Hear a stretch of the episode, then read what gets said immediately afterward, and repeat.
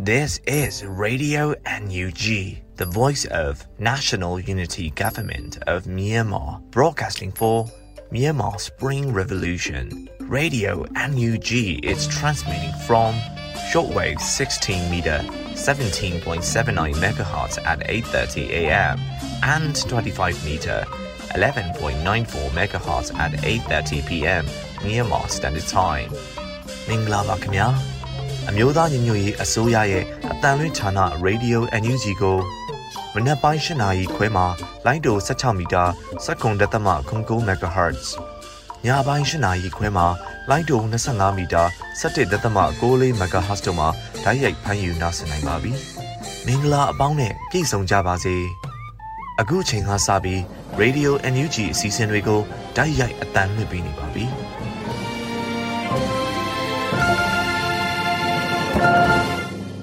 မြန်မာနိုင်ငံသူနိုင်ငံသားအပေါင်းတဘာဝပြီးဆရာနာရှင်ပေတို့ကနေကင်းဝေးပြီးကိုစိတ်နှပါဘေးကင်းလုံခြုံကြပါစေလို့ရေဒီယိုအန်ယူဂျီဖွယ်သားများကဆုတောင်းမေတ္တာပို့သလာရပါတယ်ရှင်။အခုချိန်ကစပြီးကာကွယ်ရေးဝန်ကြီးဌာနရဲ့စီရေးသတင်းချင်းချုပ်ကိုတော့ဖားရှက်ကကြီးညာပေးမှာဖြစ်ပါတယ်ရှင်။မင်္ဂလာပါခင်ဗျာ။အခုတင်ဆက်ပေးမှာကကာကွယ်ရေးဝန်ကြီးဌာနမြို့သားညီညွတ်ရေးအစိုးရမှထုတ်ဝေသောနေ့စဉ်စီရေးသတင်းချင်းချုပ်ကိုတင်ပြပေးမှာဖြစ်ပါတယ်။ကျွန်တော်ကတော့ခါရှာပါ။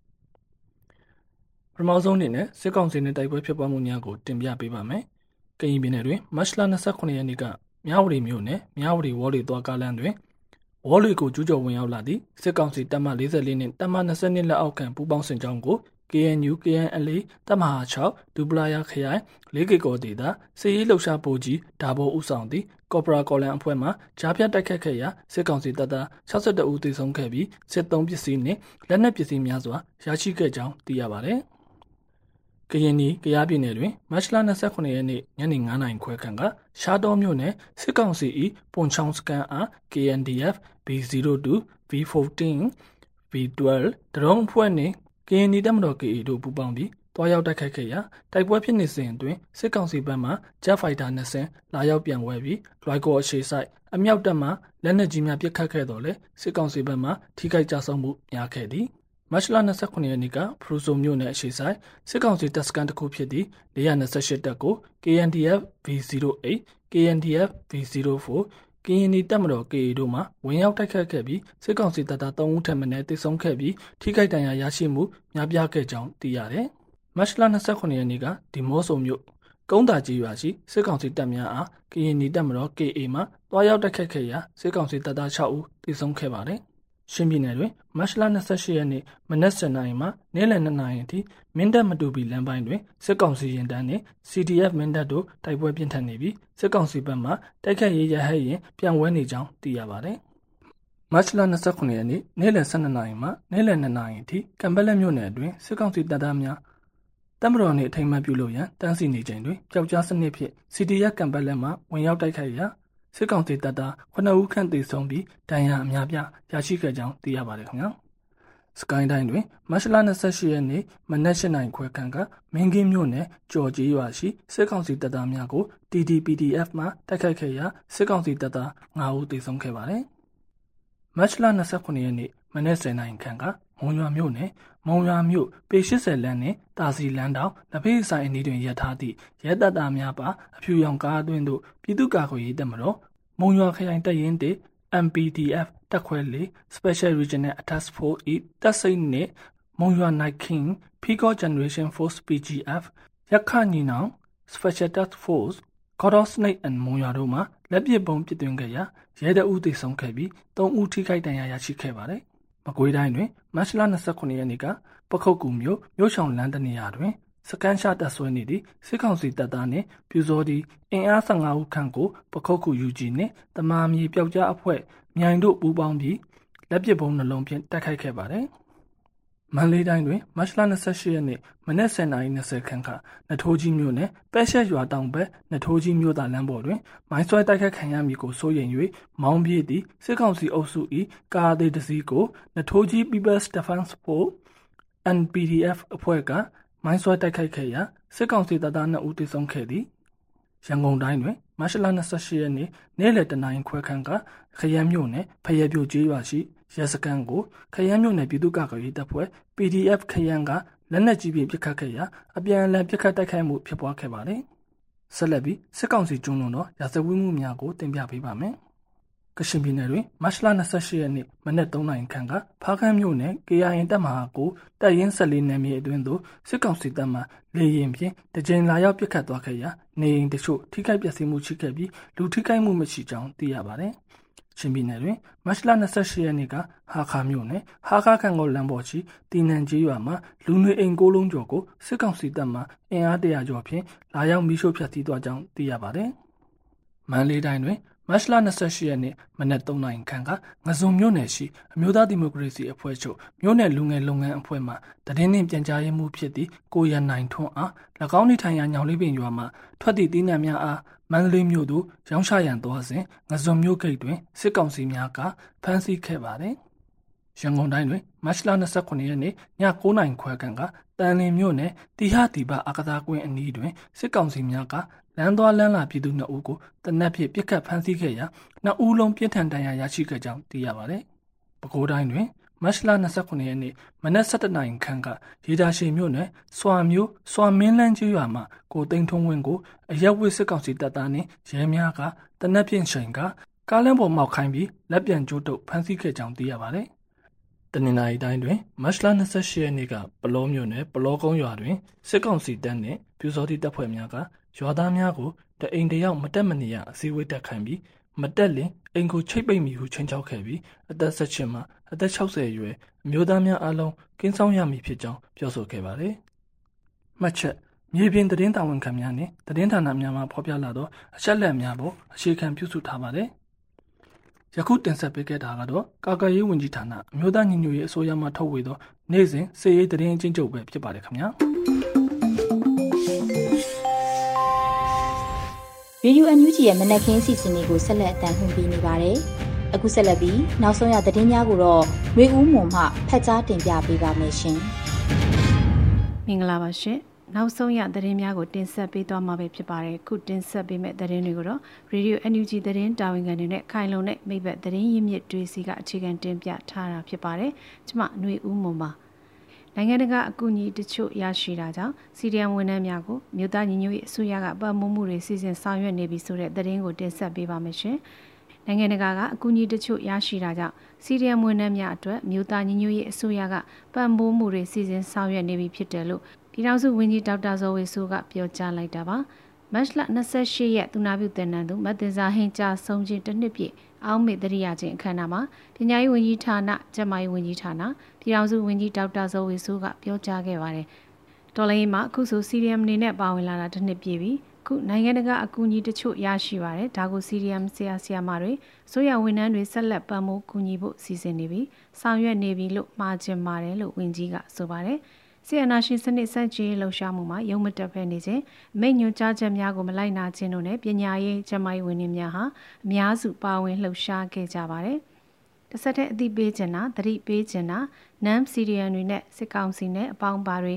ဒီအချိန်မှာစီရီယန်ဝင်ပါလို့မပြောတော့ဘူး။အလင်းဝင်ပါပြည်သူရင်ဝင်ခိုးလုံးမှာခုခံစစ်ကနီတိုက်ခိုက်ချေမုံခြင်းတရားမျှတသောတိုက်ခိုက်ချေမုံခြင်းကိုစတင်မာတော့မယ်လို့ပြည်ထောင်စုဝန်ကြီးဒေါက်တာဇော်ဝေဆိုးကဆိုပါတယ်ရှင်။ 2022ခုနှစ်ဟာဒေါ်လာကိုအဆုံးသတ်ပြီးအောင်ပွဲခံမဲ့နှစ်လို့ပြည်ထောင်စုဝန်ကြီးဒေါက်တာဝင်းမြတ်အေးပြောကြားတဲ့သတင်းကိုတင်ဆက်ပေးပါောင်းမယ်ရှင်။2022ခုနှစ်ဟာဒေါ်လာကိုအဆုံးသတ်ပြီးအောင်ပွဲခံမဲ့နှစ်ဖြစ်တယ်လို့ပြည်ထောင်စုဝန်ကြီးဒေါက်တာဝင်းမြတ်အေးကပြောကြားလိုက်ပါတယ်။ဂျပန်နိုင်ငံမှာထောက်ပံ့တပ်သားသစ်ကြိုးဆိုပွဲအခမ်းအနားမှာမြို့သားညီညွတ်ရေးအစိုးရလူသားချင်းစာနာထောက်ထားရေးနဲ့ဘေးအန္တရာယ်ဆိုင်ရာစီမံခန့်ခွဲရေးဝန်ကြီးဌာနပြည်ထောင်စုဝန်ကြီးဒေါက်တာဝင်းမြတ်အေးကပြောကြားခဲ့တာပဲဖြစ်ပါတယ်။ ဒီဒေါ်လာကိုဖျက်သိမ်းရတဲ့တစ်နှစ်တာလောက်ရှိတဲ့ကာလအတွင်းမှာကြုံတွေ့ခဲ့တဲ့အခက်အခဲတွေအတွေ့အကြုံတွေဟာအဖို့မဖြစ်နိုင်ဘူးဒီအပေါ်မှာမူတည်ပြီးတော့ရှစ်ဆက်ပြီးပိုအောင်မြင်အောင်လုပ်နိုင်မဲ့လမ်းကြောင်းတွေအတွေ့အကြုံတွေတွေ့နေပြီးသိနေရပြီဖြစ်တယ်နောက်တစ်ခုကဒီဒေါ်လာမှာအရင်အနည်းကမနေဘူးအရင်အနည်းတွေထဲမှာအသက်တွေတော့ရင်းနှီးခဲ့ရတယ်အင်မတန်အရေးကြီးတဲ့အရင်အနည်းဖြစ်တယ်ဒီအရင်နေ့တွေအတွက်ထိုက်တန်တာပြန်ရမှာဖြစ်မယ်မဖြစ်ဖြစ်အောင်ပြန်ယူမယ်နောက်ဆုတ်လို့မရဘူးရက်တန့်လို့မရဘူးရှေ့ကိုဆက်သွားနေမယ် 2022မှာဒေါ်လာရေးကိုအဆုံးသတ်မယ်အောင်မွဲခံမဲ့နှစ်ဖြစ်ကိုဖြစ်ရမယ်လို့ဝန်ကြီးကဆိုပါတယ်2021ခုနှစ်ဖေဖော်ဝါရီလ1ရက်နေ့မှာစစ်တပ်ဟာနိုင်ငံတော်အာဏာကိုအရမသိမ်းယူခဲ့ပါတယ်။အဲဒီနောက်ပြည်ထောင်စုလွှတ်တော်ကိုစားပြုကော်မတီပေါ်ပေါက်လာခဲ့ပြီးနောက်မြို့သားညီညွတ်ရေးအစိုးရအဖွဲ့အစည်းက2021ခုနှစ်စက်တင်ဘာ9ရက်မှာခုခံတွန်းလှန်မှုကြေညာခဲ့ပါတယ်ရှင်။ ထောက်ဖို့ဟာအင်မတန်အရေးကြီးပြီးတော့တက်မတော်ရဲ့အသက်လိုတောင်ပြောလို့ရတယ်လို့ကာကွယ်ဒူဝင်ကြီးနန်ကောင်းရွက်ကပြောဆိုလိုက်တဲ့သတင်းကိုတင်ဆက်ပေးပါမယ်။ထောက်ဖို့ဟာအင်မတန်အရေးကြီးပြီးတော့တက်မတော်ရဲ့အသက်လိုတောင်ပြောလို့ရပါတယ်လို့မြို့သားညီညွတ်ရေးအစိုးရကာကွယ်ရေးဒုဝန်ကြီးနိုင်ကောင်းရွက်ကဆိုပါတယ်မတ်လ28ရက်ထောက်ပံ့ရေးတပ်သားများအားကိုပိုင်နံပါတ်ပေးအပ်ပွဲနဲ့ထောက်ပံ့ရေးတပ်သားအသစ်များကြိုးဆိုပွဲအခမ်းအနားမှာကာကွယ်ရေးဒုဝန်ကြီးနိုင်ကောင်းရွက်ကပြောကြားခဲ့တာပါစစ်ရဲ့ဝေါ်ဟာရအရာ ထောက်ဖို့ဟာအင်မတန်အရေးကြီးပါတယ်တက်မတော်ရဲ့အသက်လိုတောင်ပြောလို့ရပါတယ်2022မှာအနိုင်ရဖို့ဆိုရင်ဒါငွေကြေးရိတ်ခါအထောက်အကူအရေးကြီးပါတယ်ဒါတစ်ဖက်ကလည်းစိတ်သက်ခွန်အားဖြစ်စေပါတယ်ခုဆိုရင်စကောင်းစီအကြမ်းဖက်မှုတွေကြောင့်ရွာတွေမိရှုခံရတယ်လူတွေတက်ခံရတယ်တက်ခံရတဲ့အထက်မှာကလေးတွေဆိုတရားကျော်ပါပြီမိုးတွေမုန်တိုင်းတွေကြတယ်လူတွေဟာလူသားချင်းစာနာမှုအကူအညီတွေပေးကြတယ် ကျွန်တော်တို့တော်လှန်ရေးဟာ Federal Democrat အဆင့်အထိရအောင်သွားမှာဖြစ်ပါတယ်လို့ဒူဝင်ကြီးကဆိုပါတယ်လက်ရှိမှာထောက်ဖို့တပ်သားတွေကုညီဆောင်ရွက်မှုကြောင့်စစ်ကောင်စီတပ်တွေဟာအထိနာနေတဲ့အနေအထားမှာရှိနေပါတယ်ရှင်မလ26ရက်နေ့အထိငွေတိုက်စာချုပ်ပေါင်း9000ကျော်ရောင်းချနိုင်ခဲ့ပြီးတော့ American Dollar တန်း30အထိရရှိပြီလို့ United Bond NUG ကထုတ်ပြန်တဲ့သတင်းကိုတင်ဆက်ပေးပါအောင်ရှင်။မတ်လ26ရက်နေ့အထိငွေတိုက်စာချုပ်ပေါင်း9000ကျော်ရောင်းချနိုင်ခဲ့ပြီးတော့ American Dollar တန်း30အထိရရှိပြီလို့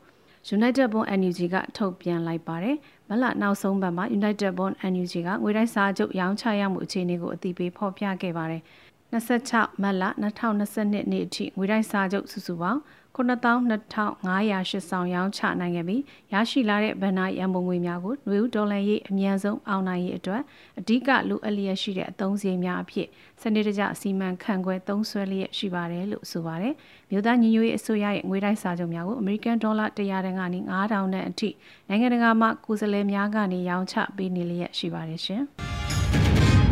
စစ်တပ်ကမီးရှို့ဖျက်ဆီးသွားတဲ့တပြင်းမြို့နယ်ဝဘာကြီးရွာနေအိမ်68လုံးအတွက်နေအိမ်များပြန်လည်ဆောက်လုပ်ရန်တစ်လုံးမျှော်တိုင်းများကူညီထောက်ပံ့တဲ့သတင်းကိုတင်ဆက်ပေးပါမယ်။စစ်တပ်ကမီးရှို့ဖျက်ဆီးသွားတဲ့တပြင်းမြို့နယ်ဝဘာကြီးရွာနေအိမ်68လုံးအတွက်နေအိမ်များပြန်လည်ဆောက်လုပ်ရန်တစ်လုံးမျှော်တိုင်းများကူညီထောက်ပံ့တယ်လို့သတင်းရရှိပါရယ်။မလ28ရက်မှာ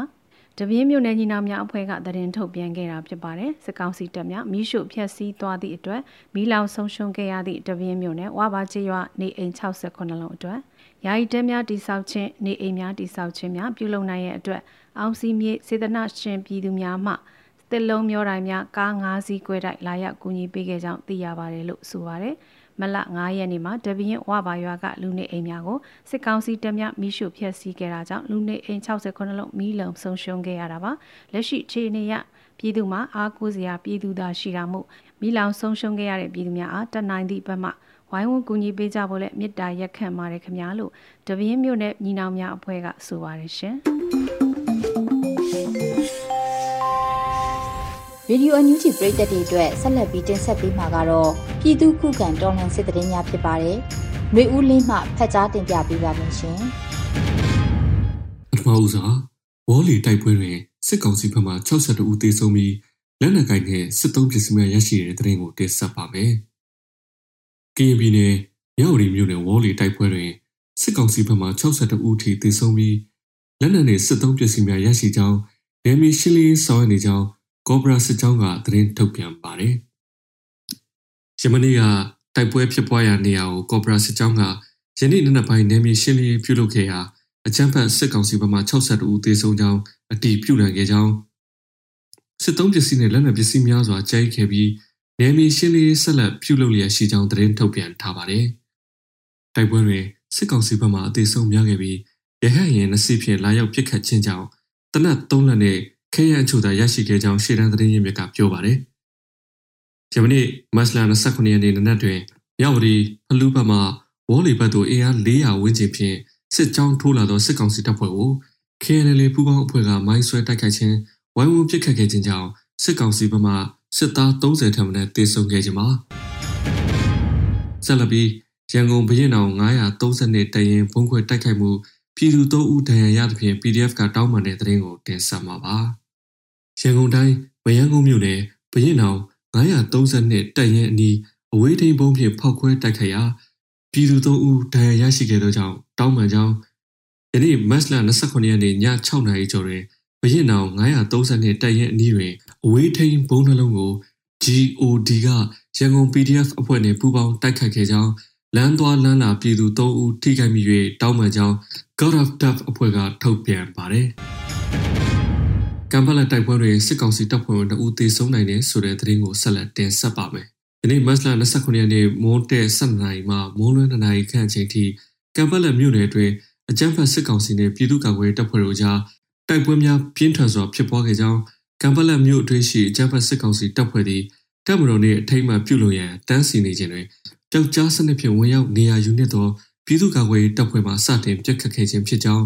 အကြမ်းဖက်စစ်ကောင်စီဘက်မှထိခိုက်ကြဆုံးမှုအတိအကျမသိရှိရတော့လဲအ ਨੇ ဆုံး2ဦးခန့်သေဆုံးနိုင်ပြီးဒဏ်ရာရရှိသူများလည်းရှိနိုင်သည်ဟုခန့်မှန်းရကြောင်း CDF ကန်ပတ်လက်ကသတင်းထုတ်ပြန်ပါတယ်။မုံရွာတွင်လက်ပစ်ပုံးဖြင့်ပြစ်ခတ်မှုစစ်ကောင်စီတပ်ဖွဲ့ဝင်တအူးသေဆုံးခဲ့ပြီးမုံရွာ GDC တွင်တပ်ဆွဲထားသောစစ်တပ်ကိုလည်း40မမဘုံဒီလက်နက်ဖြင့်ပြစ်ခတ်ခဲ့တဲ့သတင်းကိုတင်ဆက်ပါမယ်။စကိုင်းတိုင်းမုံရွာမြို့နယ်ရမဏိည9နာရီဝန်းကျင်ခန့်က P80 လမ်းနဲ့တာစီလမ်းတောင်တွေရပ်ထားသောစစ်ကောင်စီအင်ကားတစ်စီးကိုမုံရွာမြို့ပြပျောက်ကြားတပ်ဖွဲ့များကလက်ပစ်ပုံးဖြင့်ပစ်ခတ်တိုက်ခတ်ခဲ့ရာစစ်ကောင်စီတပ်သားတအူးသေဆုံးပြီး၃ဦးဒဏ်ရာရရှိကြောင်းမုံရွာ Night King အဖွဲ့မှသတင်းထုတ်ပြန်ကြေညာပါတယ်။ထို့ပြင်မတ်လ29ရက်နေ့ယနေ့တွင် အောင်ချမ်းသာတရင်ဆက်ကြောက်ထောင်တွင်တလုံးအောင်ချမ်းသာအောင်မင်္ဂလာလမ်းဆောင်တွင်တလုံးကြောက်ကလန်းညိုညိုစီတိုဟူးလမ်းကြားနဲ့ ဘူဒါကြီးနီးတလုံးဝါဆက်ကွင်းနဲ့တာစီလန်းကျရနာဘုံဘိုးဘွားရည်သာစီးပွားရေးဘဏ်အာဇာနီလန်း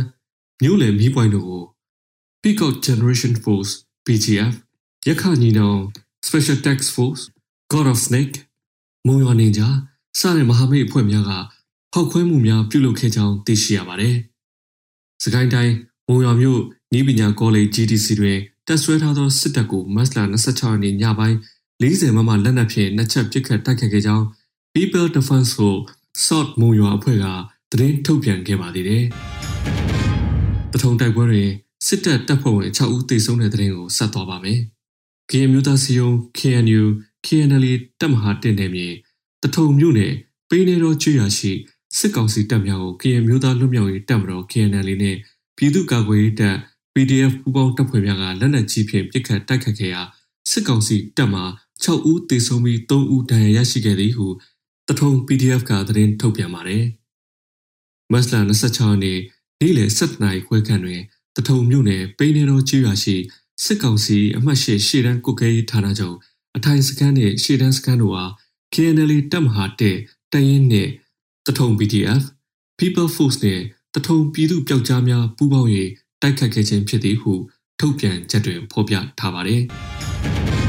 ဆက်လက်တင်ဆက်မှာကတော့ရင်းမာပင်မြို့တွင်တိုက်ပွဲဖြစ်ပွားတဲ့တဲ့မှာစကိုင်းတိုင်းဒေသကြီးရင်းမာပင်မြို့မှာမတ်လ29ရက်နေ့နနက်ပိုင်းမှညနေပိုင်းထိမြို့တွင်တက်ဆွဲထားသည့်စစ်ကောင်စီတပ်ဖွဲ့နှင့်ဒေသခံပူးပေါင်းကာကွယ်တပ်ဖွဲ့တို့ကြားတိုက်ပွဲဖြစ်ပွားခဲ့ကြောင်းသိရှိရပါတယ်။ရင်းမာပင်မြို့နယ်ရှိဒေသခံပူးပေါင်းကာကွယ်တပ်ဖွဲ့များသည့်စစ်ကောင်စီတပ်ဖွဲ့ဝင်များတပ်ဆွဲထားသည့်နေရာများကိုအဓိကပြစ်မှတ်ထားကထိုးစစ်ဆင်ခဲ့ပြီးနောက် ထို့သို့နှစ်ဖက်တိုက်ပွဲဖြစ်ပွားခဲ့ခြင်းဖြစ်ကြောင်းဆက်လက်သိရှိရတာပါ။ယနေ့တိုက်ပွဲတွင်ဒေသခံပူးပေါင်းကာကွယ်တပ်ဖွဲ့များဘက်ကလက်နက်ကြီးများဖြင့်ပြန်လည်ပစ်ခတ်တိုက်ခိုက်ခဲ့မှုကြောင့်စစ်ကောင်စီတပ်ဖွဲ့များတပ်ဆွဲထားသည့်နေရာချို့တွင်ကြာရောက်ပောက်ကွဲခဲ့ကြောင်းသိရှိရပါတယ်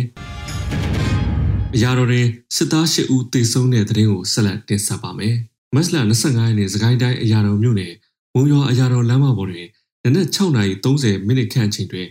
တုံးတင်ကန်အနီးတွင်ပရိသာမိုင်း6လုံးနနက်9:00ခန့်အချိန်တွင်ကြံနိုင်အောင်ကွေအနီး၌ပရိသာမိုင်း5လုံးညနေ2:20မိနစ်ခန့်တွင်ဘုံရွာဘက်မှလာသောစစ်ရင်တန်းကိုပရိသာမိုင်းနှလုံးစုစုပေါင်း3ချိန်မိုင်းဆွဲတိုက်ခတ်ခဲ့ရာစစ်သား8ဦးထပ်မံတေဆုံးခဲ့ပြီးအများအပြားထိခိုက်ဒဏ်ရာရရှိနိုင်ကြောင်းအရာတော်မြို့နယ်အခြေဆိုင်ကာကွယ်တပ်ဖွဲ့များမှသတင်းထုတ်ပြန်ပါတယ်။ မိုးပြင်းမှာစစ်တပ်ကင်းပုံစခန်းတိုက်ခိုက်ခံရပြီးစစ်သား9ဦးသေဆုံးတဲ့တဲ့ရင်ကိုဆက်လက်တင်ဆက်ပါမယ်။ရှမ်းတောင်ပိုင်းမိုးပြင်းအခြေဆိုင်စစ်ကောင်စီရဲ့လင်းနှစ်နှစ်အခြေဆိုင်စခန်းအနီးကင်းပုံစခန်းကိုကရင်ပြည်အမျိုးသားများကာကွယ်တပ်ဖွဲ့ကတံပြန်ပျောက်ကြားတိုက်ခိုက်ခဲ့ပါတယ်။မတ်လ26ရက်နေ့ည9:30မိနစ်20ခန့်တွင်ကရင်ပြည်အမျိုးသားများကာကွယ်ရေးတပ်တပ်ရင်း3နဲ့တပ်ရင်း7တို့ပူးပေါင်းပြီးပျောက်ကြားတိုက်ခိုက်ခဲ့တာလို့ဖော်ပြထားပါတယ်။ တံပြန်ပျောက်ကြားတိုက်ခိုက်မှုကြောင့်စစ်ကောင်စီဘက်က9ဦးသေဆုံးခဲ့ပြီး KNDF ရဲဘော်တွေအထိကိမရှိပြန်လည်ဆုတ်ခွာနိုင်ခဲ့တယ်လို့ဖော်ပြပါတယ်။ Internet line ဖုန်းလိုင်းအခက်အခဲတွေကြောင့်အချိန်နဲ့တပြေးညီသတင်းထုတ်ပြန်နိုင်ခြင်းမရှိတာကိုလည်း KNDF တရင်သုံးဖဲခုံစုံကအသိပေးပါတယ်။နောက်ဆုံးအနေနဲ့အမျိုးသားညီညွတ်ရေးဆိုရာပြည်ထောင်စုနဲ့လူမှုကြီးကြပ်ရေးဝန်ကြီးဌာနက2022ခုနှစ်မတ်လ28ရက်ရက်စွဲနဲ့ထုတ်ပြန်တဲ့ ပြည်သူ့ခုခံတော်လှန်စစ်သတင်းချက်လက်တွေကိုတင်ဆက်ပေးသွားမှာပါ။အာဏာသိမ်းအကြမ်းဖက်စစ်အုပ်စု၏ပြည်သူလူထုပေါ်အကြမ်းဖက်ဖိနှိပ်ဖမ်းဆီးတိုက်ခိုက်တပ်ဖြတ်နေမှုများကိုပြည်သူလူထုတရက်လုံးကအသက်ရှင်သန်ရေးအတွက်မိမိကိုယ်ကိုမိမိခုခံကာကွယ်ပိုင်ခွင့်ရာပြည်သူခုခံစစ် People Defenses War ကိုဆင်နွှဲလျက်ရှိပါတယ်။သတင်းချက်လက်များအရ29ရက်3လ2022ခုနှစ်နေ့ရက်တွင်စစ်ကောင်စီတပ်ဖွဲ့ဝင်62ဦးသေဆုံးပြီး ထိခိုက်ဒဏ်ရာရရှိသူ28ဦးအထိခုခံတိုက်ခိုက်နိုင်ခဲ့ပါတယ်။စစ်အာဏာရှင်စနစ်မြမမျိုးပေါ်မှာအပြီးတိုင်ချုပ်ငြိမ်းရေးနဲ့ Federal Democracy စနစ်တည်ဆောက်ရေးအတွက်ငြိမ်းချမ်းစွာဆန္ဒပြသည့်လူထုတပိတ်တိုက်ပွဲများကပြည်내နဲ့တိုင်းဒေသကြီးများမှာဖြစ်ပွားပေါ်ပေါက်လျက်ရှိပါတယ်။ညီပြည်မှာယခုတွေ့ရတဲ့သတင်းအချက်လက်ထက်ပို၍ဖြစ်ပွားနိုင်ပါတယ်ခင်ဗျာ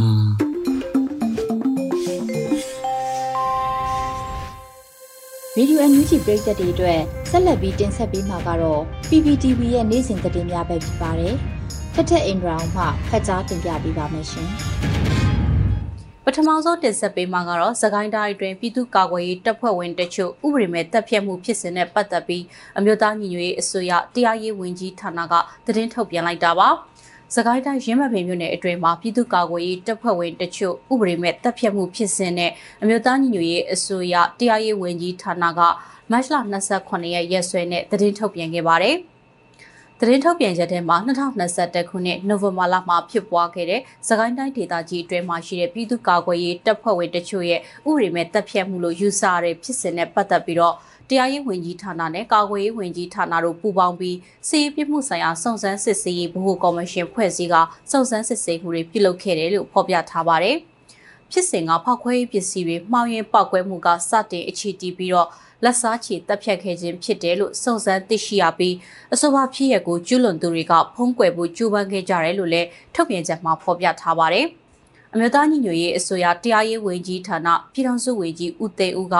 အကယ်၍ဒီဆွဆွဲချက်သာမှန်ကန်ခဲ့တယ်ဆိုရင်တော့ကျင့်ဝတ်စည်းကမ်းချိုးဖောက်မှုနဲ့မလိုက်နာမှုတွေဟာအင်မတန်စိုးရိမ်စရာကောင်းပါတယ်။ဒါအပြင်ဒီလိုမလျော်ဩဇာတုံးခြင်းဟာအပြစ်မဲ့တဲ့အယက်သားပြည်သူတွေကိုအကာအကွယ်ပေးရမယ်ပြည်သူ့ကာကွယ်ရေးတပ်ဖွဲ့တွေအတွက်အမဲဆက်ဖြစ်သွားနိုင်တယ်လို့စုံစမ်းစစ်ဆေးမှုတွေပြုလုပ်မဲ့အကြောင်းထုတ်ဖော်ပြောကြားစဉ်ကပြောကြားခဲ့တာပါ။ ဒေသခံကာကွယ်ရေးတပ်ဖွဲ့ခေါင်းဆောင်တဦးဖြစ်တဲ့ဗိုလ်တန်မဏိကတပ်ဖြတ်ဖို့အမိန့်ပေးခဲ့မှုမျိုးမရှိခဲ့ပေမဲ့အဆိုပါဖြစ်စဉ်နဲ့ပတ်သက်ပြီးတော့တချို့သောလောက်ငယ်သားတပ်ဖွဲ့ဝင်တွေအနေနဲ့ကတော့ဒေါသမထိန်နိုင်လို့ဒီလိုဖြစ်ရမျိုးကိုကျူးလွန်မိတာဖြစ်နိုင်ကြောင်းအပြစ်ရှိကြောင်းစစ်ဆေးတွေ့ရှိပြီးတော့ပြစ်ဒဏ်ချမှတ်ခံရရင်လည်းဒီဖြစ်စဉ်ရဲ့အကျိုးဆက်တွေကိုမိမိတို့အနေနဲ့ရင်ဆိုင်ဖို့အဆင့်သင့်ပါပဲလို့ပြောကြားထားပါတယ်။ စစ်မြေပြင်မှာအပြစ်မဲ့အရက်သားတွေကိုအသက်အန္တရာယ်ပြုတာနဲ့တပ်ဖြတ်တာတွေကိုလုံးဝခွင့်ပြုလိမ့်မှာမဟုတ်ကြောင်းလဲအမျိုးသားညီညွတ်ရေးအစိုးရကအတိအလေးကြေညာထားပြီးဖြစ်တယ်လို့တရားရေးဝန်ကြီးဌာနရဲ့ထုတ်ပြန်ချက်မှာဖော်ပြထားတာကိုတွေ့ရပါတယ်။ဆက်လက်တင်ဆက်ပေးမှာကတော့စိတ်ပိုင်းဆိုင်ရာအခက်အခဲတွေကိုတိုင်ပင်ဆွေးနွေးဖို့မိတ်ဆွေရဲ့တိုင်ပင်ပေါ်ဝန်ဆောင်မှုကိုအမျိုးသားညီညွတ်ရေးအစိုးရကဖွင့်လှစ်လိုက်တဲ့ဆိုတဲ့သတင်းမှာ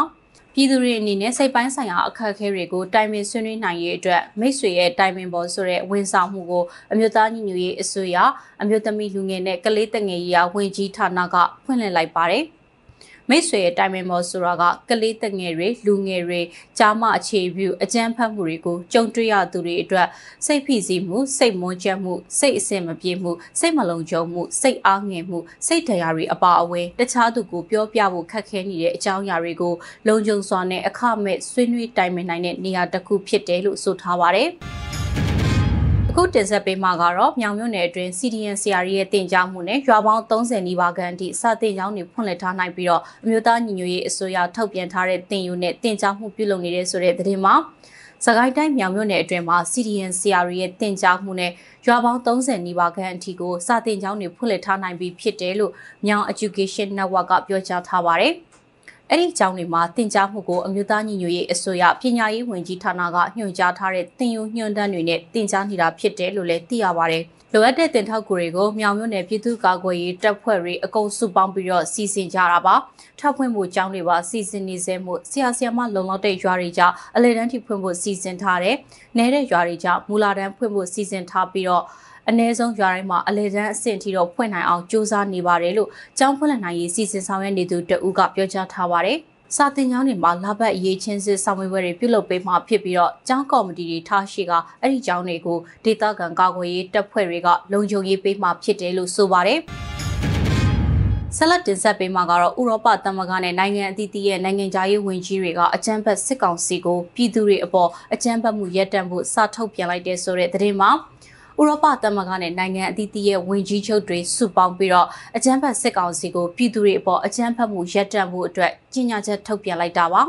ထုတ်ပြန်ချက်ထဲမှာပါဝင်တဲ့နိုင်ငံတွေကဥရောပသမဂ္ဂကိုစားအဆင့်မြင့်ကိုယ်စားလှယ်အယ်ဘေးနီးယား၊ဩစတြေးလျ၊ဘော့စနီးယား၊ဟာစီဂိုဗီနာ၊ကနေဒါ၊ဂျော်ဂျီယာ၊အိုက်စလန်၊လက်ချင်စတိန်၊မာရှယ်အိုင်လန်မက်ခရိုနီးရှားမွန်တီနီဂရိုနယူးဇီလန်မြောက်မက်ဆီဒိုနီးယားနော်ဝေးပလောက် ကိုရီးယားဆွစ်ဇာလန်ယူကရိန်း United Kingdom နဲ့ American နိုင်ငံသားရေးဝန်ကြီးတွေဖြစ်ကြပါတယ်။ထုတ်ပြန်ကြေညာချက်ထဲမှာပြီးခဲ့တဲ့နှစ်မတ်လ28ရက်မှာအနည်းဆုံးလူ100ခန့်တပ်ဖြတ်ခံရခြင်းအပါအဝင်ပြီးခဲ့တဲ့တစ်နှစ်တာကာလအတွင်းတပ်ဖြတ်ခံရသူတွေနဲ့အကြမ်းဖက်မှုတွေကြောင့်နေရစွက်ခွာထွက်ပြေးရသူတွေကိုမိမိတို့အောက်မေ့ဆင်ခြင်မိတယ်လို့ဖော်ပြထားပါတယ်။ ဒါအပြင်တချို့သောနိုင်ငံတွေကမြန်မာစစ်အာဏာရှင်အဖွဲ့ကသူတို့ရဲ့အကြမ်းဖက်မှုတွေနဲ့ညှဉ်းပန်းနှိပ်စက်မှုတွေကိုဆက်လက်ဆောင်ရွက်နိုင်စေမဲ့သိသိနိုင်လောက်တဲ့လက်နက်အထောက်အပံ့တွေကိုဆက်လက်ပေးအပ်ရရှိရလို့လည်းဖော်ပြထားပါတယ်။ကုလသမဂ္ဂထွေထွေညီလာခံဆုံးဖြတ်ချက်နဲ့အညီမြန်မာနိုင်ငံကိုစစ်လက်နက်ပစ္စည်းကိရိယာတွေအရက်ဖက်စစ်ဖက်သုံးပစ္စည်းကိရိယာတွေရောင်းချတာလွှဲပြောင်းပေးအပ်တာဤပညာအကူအညီပေးအပ်တာတွေရပ်တန့်ခြင်းနဲ့ မြန်မာပြည်သူတွေကိုအားပေးထောက်ခံကြဖို့နိုင်ငံအလုံးကိုတိုက်တွန်းထားတယ်လို့ဖော်ပြထားပါတယ်။ဒါ့အပြင်အကြမ်းဖက်မှုတွေရပ်တန့်မှုနဲ့မြန်မာနိုင်ငံကိုဒီမိုကရေစီလမ်းကြောင်းပေါ်ကိုပြန်လည်ပို့ဆောင်ဖို့အကြမ်းဖက်စစ်တပ်ကိုထပ်မံတောင်းဆိုရဲဆိုပြီးတော့လည်းဖော်ပြထားပါတယ်။ဆလတ်တင်ဆက်ပေးမှာကတော့ပညာရေးနဲ့ကျန်းမာရေး CDN အင်အားစုတွေစုစည်းပြီး CDN လှုပ်ရှားမှုနဲ့တိုက်ပွဲတိုးမြင့်ရေးပူးပေါင်းဆောင်ရွက်မှုကော်မတီဖွဲ့စည်းလိုက်တဲ့ဆိုတဲ့သတင်းမှာ ပညာရေး CDN အင်အားစုတွေနဲ့ကျန်းမာရေး CDN အင်အားစုတွေစုစည်းပြီးတော့ CDN လှုပ်ရှားမှုနဲ့တိုက်ပွဲမြင့်တင်ရေးပူးပေါင်းဆောင်ရွက်မှုကော်မတီကိုမတ်လ28ရက်ရက်စွဲနဲ့ဖွဲ့စည်းလိုက်တဲ့ဆိုပြီးတော့သတင်းထုတ်ပြန်ပါတယ်။ CDN လှုပ်ရှားမှုအရှိန်အဟုန်မြင့်တင်အားကောင်းစေဖို့နဲ့ CDN ဝန်ထမ်းတွေရဲ့လိုအပ်ချက်တွေကိုစနစ်တကျကူညီထောက်ပံ့နိုင်ဖို့ရည်ရွယ်ချက်တူဘုံရည်မှန်းချက်တူတဲ့ CDN လှုပ်ရှားမှုအဖွဲ့အစည်းတွေပူးပေါင်းဆောင်ရွက်ဖို့လိုအပ်တာကြောင့် ပထမခြေလှမ်းအဖြစ်နဲ့ပညာရေးနဲ့ကျန်းမာရေး CDN အင်အားစုတွေပူးပေါင်းပြီး CDN လှုပ်ရှားမှုနဲ့တိုက်ပွဲမြင့်တင်ရေးပူးပေါင်းဆောင်ရွက်မှုကော်မတီကိုဖွဲ့စည်းလိုက်ရတာဖြစ်တယ်လို့လည်းထုတ်ပြန်ချက်မှာဖော်ပြထားပါတယ်။လက်ရှိအချိန်မှာတနိုင်ငံလုံးမှာရှိတဲ့ CDN လှုပ်ရှားမှုမှာတက်ကြွစွာပါဝင်နေကြတဲ့အဖွဲ့အစည်းတွေအစုအဖွဲ့တွေနဲ့တမကအဖွဲ့တွေကိုလည်းတော်လှန်ရေးအောင်မြင်မှုကိုရည်ရွယ်ပြီးပူးပေါင်းလှုပ်ဆောင်ပေးကြဖို့အချိန်ပြည့်တကားဖွင့်ကြိုးဆိုလျက်ရှိတယ်ဆိုပြီးတော့ဖော်ပြထားပါတယ်။ တိုက်ပွဲမြင့်တင်ရေးပူးပေါင်းဆောင်ရွက်မှုကော်မတီမှအခြေခံပညာပညာရေးလှုပ်သားတမကများတိုက်ပွဲဦးဆောင်ကော်မတီ PEWUFC တက္ကသိုလ်ဆရာတမကများကိုစားပြုကော်မတီ RC of UTAS မြန်မာနိုင်ငံလုံးဆိုင်ရာဆရာဆရာမများအဖွဲ့ချုပ် MTF အခြေခံပညာပညာရေးဝန်ထမ်းများအထွေထွေတပိတ်ကော်မတီ BEGFC ဤပညာဆိုင်ရာဆရာဆရာမများအဖွဲ့ချုပ် TTF ရန်ကုန်စေးပညာကွန်ရက် YMN ကျမ်းမာရေးမိသားစုမန္တလေး MFM အရေးပါသောလှုပ်ရှားမှု CM CDM ပညာရေးကွန်ရက် CDMMN နဲ့ချင်းတွင်းစေးပညာကွန်ရက် CMM လို့ပါဝင်ကြတယ်လို့ထုတ်ပြန်ချက်မှာဖော်ပြထားပါတယ်။ဒီကနေ့ကတော့ဒီညနေပဲ Radio NUG ရဲ့အစည်းအဝေးတွေကိုခਿੱတရနာလိုက်ပါမယ်။မြန်မာစံတော်ချိန်မနက်၈နာရီခွဲနဲ့ည၈နာရီခွဲအချိန်တွေမှာပြန်လည်ဆုံးဖြတ်ကြပါစို့။ Radio NUG ကိုမနက်ပိုင်း၈နာရီခွဲမှာလိုင်းဒို16မီတာစက္ကန့်တသမ9 MHz ညပိုင်း၈နာရီခွဲမှာလိုင်းတုံ25မီတာ17.6 MHz တို့မှာဓာတ်ရိုက်ဖမ်းယူနားဆင်နိုင်ပါပြီ။မြန်မာနိုင်ငံသူနိုင်ငံသားများကိုစိတ်နှပြချမ်းမာချမ်းသာလို့ဘေးကင်းလုံခြုံကြပါစေလို့ Radio NUG အဖွဲ့သူအဖွဲ့သားများကဆုတောင်းလိုက်ရပါတယ်။အမျိုးသားညီညွတ်ရေးအစိုးရရဲ့စက်သွေးရေးတရင်အချက်အလက်နဲ့ဤပညာဝန်ကြီးဌာနကထုတ်လွှင့်နေတဲ့ Radio NUG ဖြစ်ပါတယ်။ San Francisco Bay Area အခြေစိုက်မြန်မာမိသားစုများနဲ့ နိုင်ငံတကာကစေတနာရှင်များလှုပ်အားပေးများရဲ့ Radio NUG ဖြစ်ပါတယ်။အရေးတော်ပုံအောင်ရမည်